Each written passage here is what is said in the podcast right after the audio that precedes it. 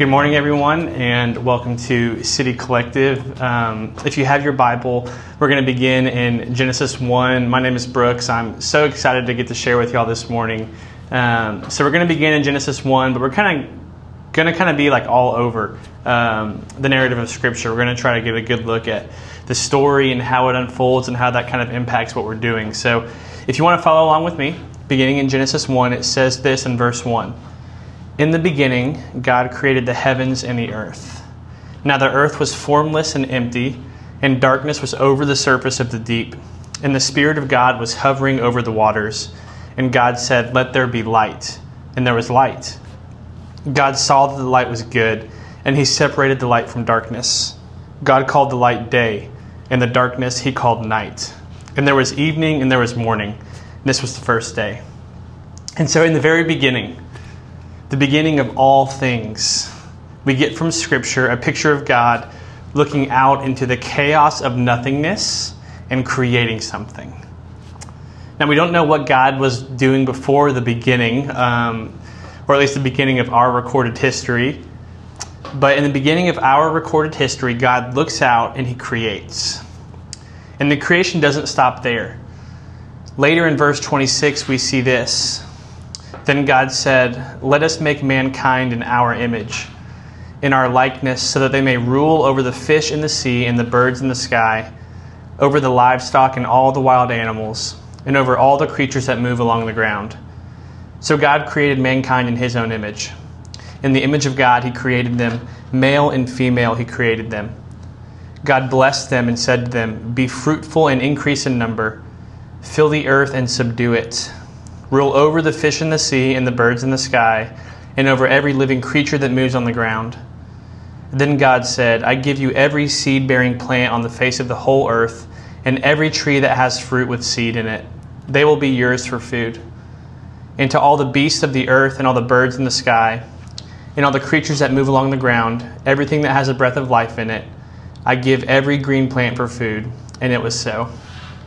And here we see that after God has created a suitable home, a world that is overflowing with beauty and goodness, we see God create something different. You see, He creates us. Well, not literally you and me, but He creates man and woman, humankind in His image, specimens that even the psalmist were baffled by when he writes this in Psalm 8 What is man that you are mindful of him, and the Son of Man that you visit him? For you have made him a little lower than the angels, and you have crowned him with glory and honor. You have made him to have dominion over the works of your hands. You have put all things under his feet all sheep and oxen, even the beasts of the field, the birds of the air, and the fish of the sea. And today we are still baffled by the beauty and the value that is placed within a human being. You see, we start wars over the value of humanity. We protest if we do not see that value being upheld. We fight tirelessly for everyone to accept the universal truth that we all know deep down and yet continually fall short of living into, and that is the truth that to be human is to be made in the image of God. And to be made in the image of God is to possess infinite value and dignity for nothing other than the fact that you are a being. That's all you have to do is be. You see, we don't have to do anything other than exist for this truth to be a reality. And Christianity has uniquely and fundamentally had the foremost and first argument in this. You see, the current post Christian thinkers of our world and of our day, they argue for, human value and for human dignity, but it's based on a subjective and ever changing set of morals but as Christians, we can confidently say that all humans have value because that value is given to us and put in us by God Himself. And value is not where this ends. You see, we also possess a unique mandate or a command, a responsibility. We possess a fundamental truth that is essential to who we are as human beings and to what it means to be human and that is God having his divine command to us to rule the earth and to subdue it. To have all things under our feet, as Psalm 8 said. You see, we were made with a, with a unique responsibility to create and to extend the rule of God into the world that He created. What a beautiful and unique responsibility that we have been given to rule over a kingdom that does not really belong to us, or at least we're not the kings of it. We're not the queens of it. But God has trusted us as co rulers to rule over his kingdom, to rule over his world, to imagine a better world, and to make it a reality through the work of our hands. In his work studying these scriptures and kind of this theme, Pastor Jon Tyson, who's from Hell's Kitchen in New York, he notes something that I believe to be extremely important for us to grasp today if we're ever going to really understand what this passage is all about. He notes that for many of us, we have either been taught or raised up in, or have just come to accept a two part gospel rather than a four part gospel. He says that we have overemphasized the Great Commission at the expense of the cultural mandates. If you're not familiar with those terms, that's okay. They're both kind of theological terms. The Great Commission is found in Matthew chapter 28, one of Jesus' biographies about his life. At the very end of the book, when Jesus is departing from his disciples, he leaves them with what is called the Great Commission, his final command to them. He says to go out into all the world and to make disciples of all nations, baptizing them and teaching them to obey all that he has commanded. And this is an extremely important thing for us as Christians. This is something that should serve as a filter for how we live in the world. But if we choose to focus on this at the cost of forgetting the cultural mandate, then we fall into very dangerous territory. The cultural mandate is a theological term that is used to describe God's commandment to humanity in Genesis 1 to rule the earth and to subdue it. That is the cultural mandate. God has given us this decree.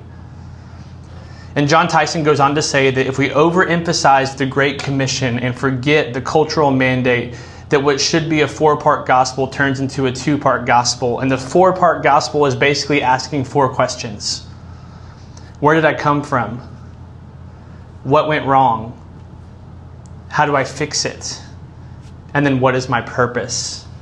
And for many of us, myself included, all we were taught and all we know is what went wrong and how to fix it. And when we get those two things wrong, or at least if we start there, then we forget that we came from somewhere, and because we came from somewhere, we came from somewhere with a purpose, and that directly impacts that last question.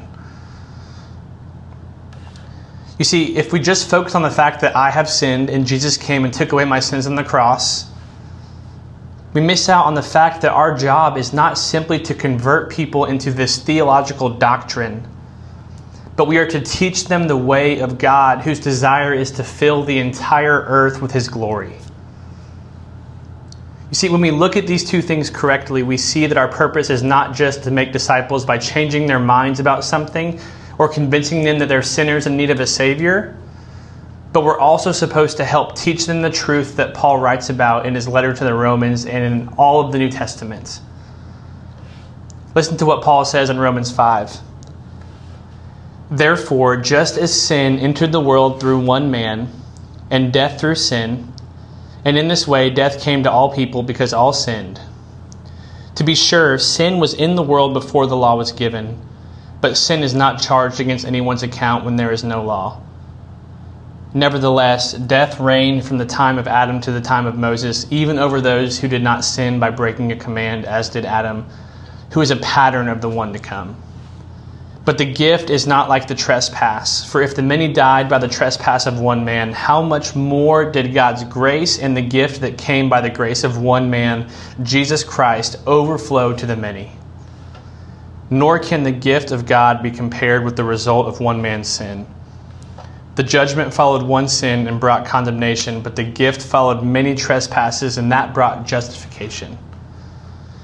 For if by the trespass of the one man death reigned through that one man, how much more will those who receive God's abundant provision of grace and of the gift of righteousness reign in life through the one man, Jesus Christ? What Paul is advocating for here is not just that Adam brought death and Jesus brought forgiveness, although that's definitely part of it and it's true. Paul is also saying that just as Adam threw away the divine authority and blessing and ability that God gave him, and humanity to rule over creation, so too did Jesus restore our authority and our power and our ability to rule over creation with God. Jesus gave us a new way to be human. He restored what Adam could not do. He is the new and the better Adam who shows us how to rule over the earth and subdue it in the way of God. When we see where we come from, we can grasp in much greater depth our purpose. Not just to convert sinners in doctrine, but to live out the behavior of the one whose image we bear and that means that we are to press into the chaos and to create order and beauty. Author and scholar Nancy Pearcey says this about the cultural mandate. In Genesis, God gives what we might call the first job description Be fruitful and multiply and fill the earth and subdue it. The first phrase, which is be fruitful and multiply, means to develop the social world to build families and churches and schools and cities and governments and laws. The second phrase, which is subdue the earth, means to harness the natural world, to plant crops, to build bridges, to design computers, to compose music. This passage is called the cultural mandate because it tells us that our original purpose was to create cultures and to build civilizations, nothing less. And that is a truth that can only be described as terrifyingly beautiful beautiful because of the potential that humans possess due to how God has made us in his image, but terrifying because of the potential for us to follow the behavior of Adam and Eve in the garden rather than Jesus, and to use our divine authority granted to us by God to rebel against God and his vision for the world. And we don't need to look far to see how broken cultural systems can tarnish the perception of God's kingdom how broken cultural systems can tarnish and devalue and degrade other people in our own eyes. For many of us, we're more aware of systemic injustice than we ha- ever have been in our country. We can see what the fruits of cultures that are set up apart from God's vision for life are, how ugly these fruits can be, the pain that they can cause, and the hostility that they can stir up between fellow image bearers of God's image. What's terrifying is that so many of these that we're seeing have even been done in the name of Jesus. And this is a tremendous problem we're facing today as a country, and we're learning to re examine our history and read it well. What do we do with the broken and hurtful cultural systems that have disadvantaged our black and brown brothers and sisters? Those are good questions to ask. And I am in no way trying to downplay the seriousness of these sins or soften the blows that our brothers and sisters of color have felt from these. But I think that if we look back in Scripture again, we can find a more comprehensive understanding of how exactly we got here. In Genesis 11, it says this Now the whole world had one language and a common speech. As people moved eastward, they found a plain in Shinar and settled there they said to each other, Come, let's make bricks and bake them thoroughly. They used brick instead of stone and tar for mortar. Then they said, Come, let us build ourselves a city with a tower that reaches to the heavens, so that we may make a name for ourselves. Otherwise, we will be scattered over the whole face of the earth. But the Lord came down to see the city and the tower the people were building. And the Lord said, It's as one people speaking the same language, they have begun to do this. Then nothing they plan to do will be impossible for them. Come, let us go down and confuse their language so that they will not understand each other.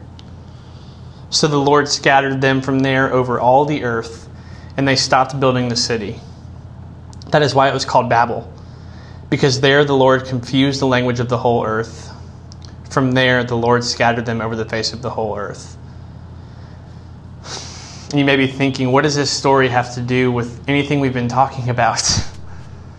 you see, although it's not explicitly stated in this text, a healthy reading of Scripture takes into account all of the narrative of Scripture. We take into account all that is going on. Just because a character is not named explicitly does not mean that the character is not in the story. And the reason I bring that up is because this is a story, I believe, of satanic temptation. See, Satan's tried and true method is to tempt the disordered desires in our hearts with a deceptive idea that tricks us into using our God given authority to build kingdoms and structures that only serve ourselves, that make a name for ourself. And this is extremely important to grasp, even in the Tower of Babel, and even more so in our history because as Jon Tyson points out again, if we don't identify the proper antagonist in the story, then we will make human beings fit in that role and we will demonize and vilify people who are following the lies of someone whose sole purpose is to steal and kill and destroy everything that is good and beautiful in this world. If Satan couldn't have God's kingdom or God's throne, he decided to settle for that which was most like God, and that's us to trick us into using the divine power that God has given us and bestowed upon us to bring ruin and pain and destruction rather than life and blessing. What must it do to a father to see the gifts that he has given his children and his children completely co opted and used to wound and hurt each other? This is what Satan is after. Tim Keller says that creation, as followers of Jesus, is to rearrange the raw materials of a particular domain to draw out its potential for the flourishing of everyone. If you're taking notes, underline that last part the flourishing for everyone. Satan seeks to get us to build kingdoms that are flourishing for me, myself, and I, no matter what it does to my neighbor. In the time of the prophets, Israel was continually rebuked for their selfish attitude and their vision of their own kingdom, which did not benefit those who needed it most. They continually gave in to the lies of the enemy who seeks to co opt our ability and our authority to rule for evil rather than for good.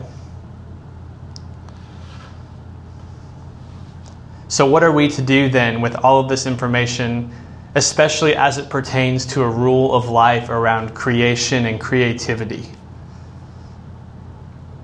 How do we, re- how do we remember the cultural mandate that was given to us by God to go into the world and to create beauty and good and order? And not just do it for ourselves, but do it for the flourishing of everyone. I remember the first time the answer to this clicked in my head. I was on the website of an author I really liked and I admired, and right in the middle of the website on the homepage, it was a simple sentence. The sentence read, I make things with words. That may not sound like a lot to you, and if it doesn't, that's okay. I totally get it.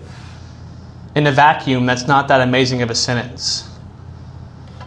But I did not read that sentence in a vacuum. I read it as someone who felt his entire life like a misfit or a defect. You see, I'm not the stereotypical creative person. I'm not handy like most people thought that husbands should be or guys should be.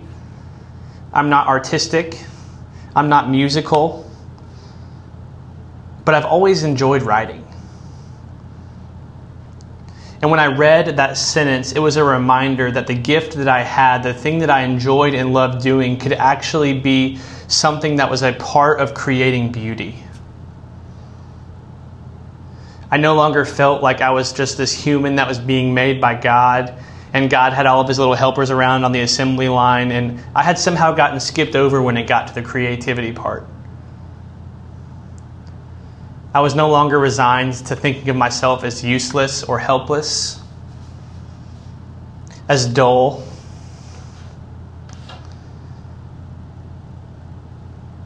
I was now someone who had a gift that could use it to reach into the chaos, to bring something into the chaos, and to speak life and beauty. And that was an amazing moment for me.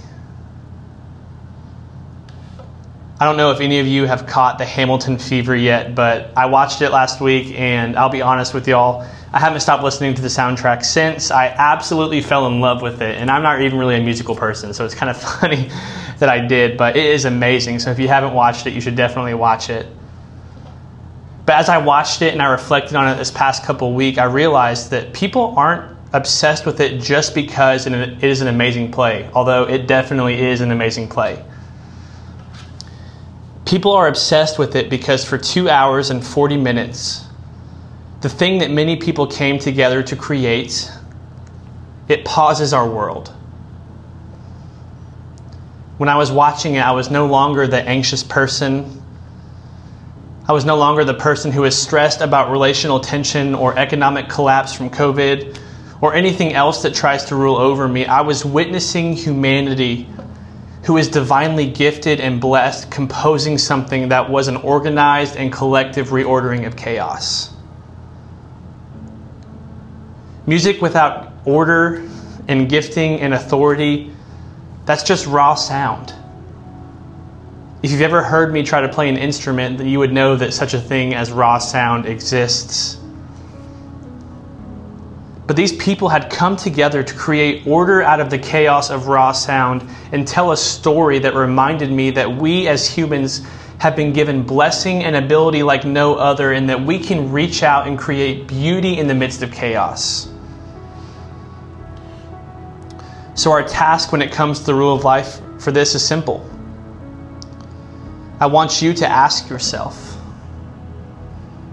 where does my great joy and pleasure and passion?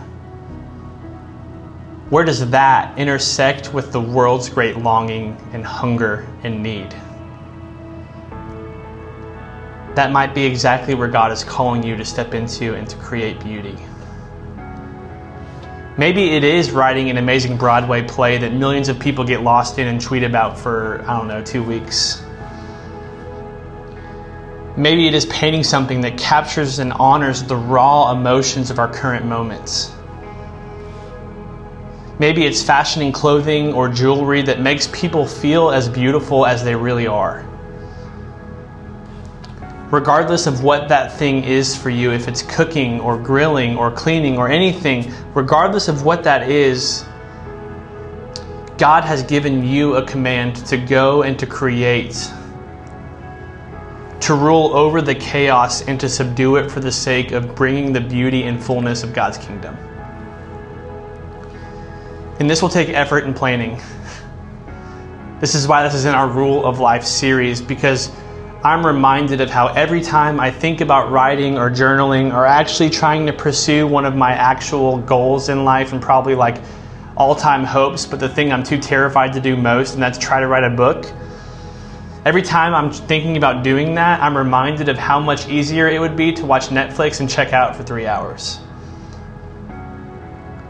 We live in a society that is built on winning our attention we have monetized it and made it an art to come and to grab our intention, to come and to consume what it is that I want you to consume while I make money off of you.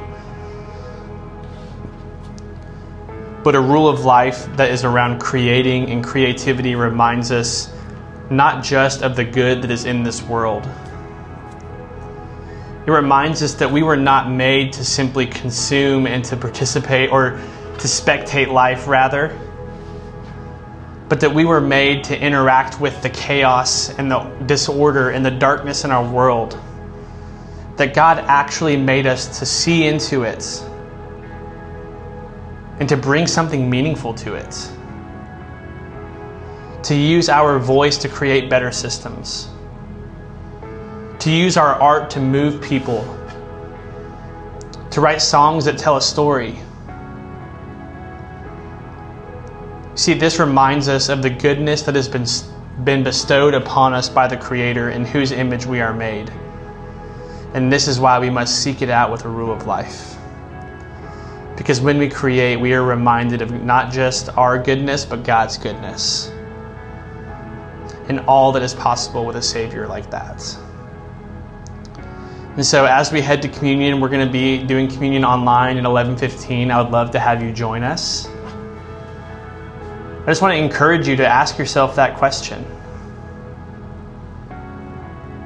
Where does my great joy and passion intersect with the world's great need?